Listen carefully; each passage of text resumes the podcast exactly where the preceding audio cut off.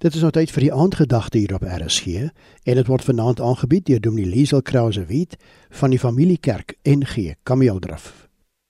Ons leef in uitdagende omstandighede. Die wrede koronavirus het veroorsaak dat die dood onder ons kom rondloop het. Hoe bemoedig 'n mens iemand wat siek is of wat rou of wat swaar kry? Hier is 'n paar wenke uit die Bybel.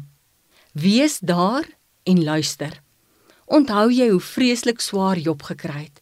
Hy het alles verloor: sy besittings, sy kinders en sy gesondheid. Ons lees dat sy vriende gesien het hoe swaar hy kry.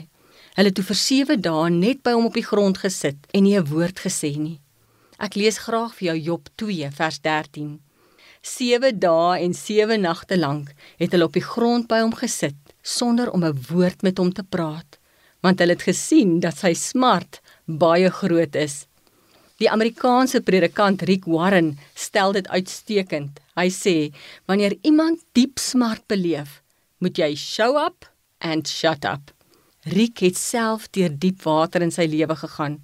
Sy vrou het kanker gekry en sy seun het selfmoord gepleeg. Wees daar vir mense wat swaar kry. Luister en weerstaan die versoeking om te preek.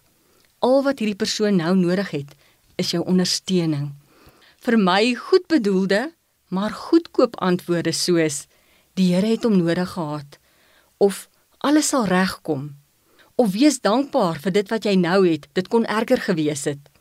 Of eendag sal jy verstaan. Laat jou oor 'n instrument van genesing wees. Luister. Laat iemand wat seer het toe om te huil. Laat jou woorde min wees.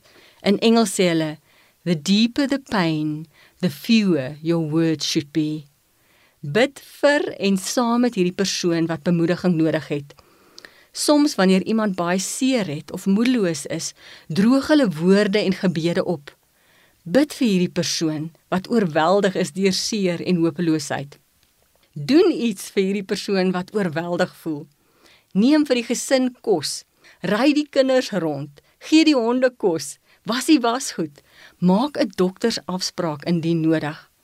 Moenie sê bel my as jy iets nodig het nie. Hulle gaan jou hoogs waarskynlik nie bel nie. Wat sou jy nodig gehad het as jy in hulle skoene was? Doen dit. 'n Bemoedigende teksboodskap of oproep beteken ontsettend baie vir iemand wat hopeloos voel. 'n Ruk terug toe ek COVID onderlede gehad het, het 'n vriendin vir my 'n WhatsApp stemboodskap gestuur. Dit was 'n gebed spesiaal vir my bedoel. Dit het so baie vir my beteken. Wanneer die tyd reg is en jy iets wil sê vir hierdie persoon, bemoedig hulle. Herinner hulle daaraan dat God nooit hulle hand sal los nie. Gee hoop en bid saam met hulle.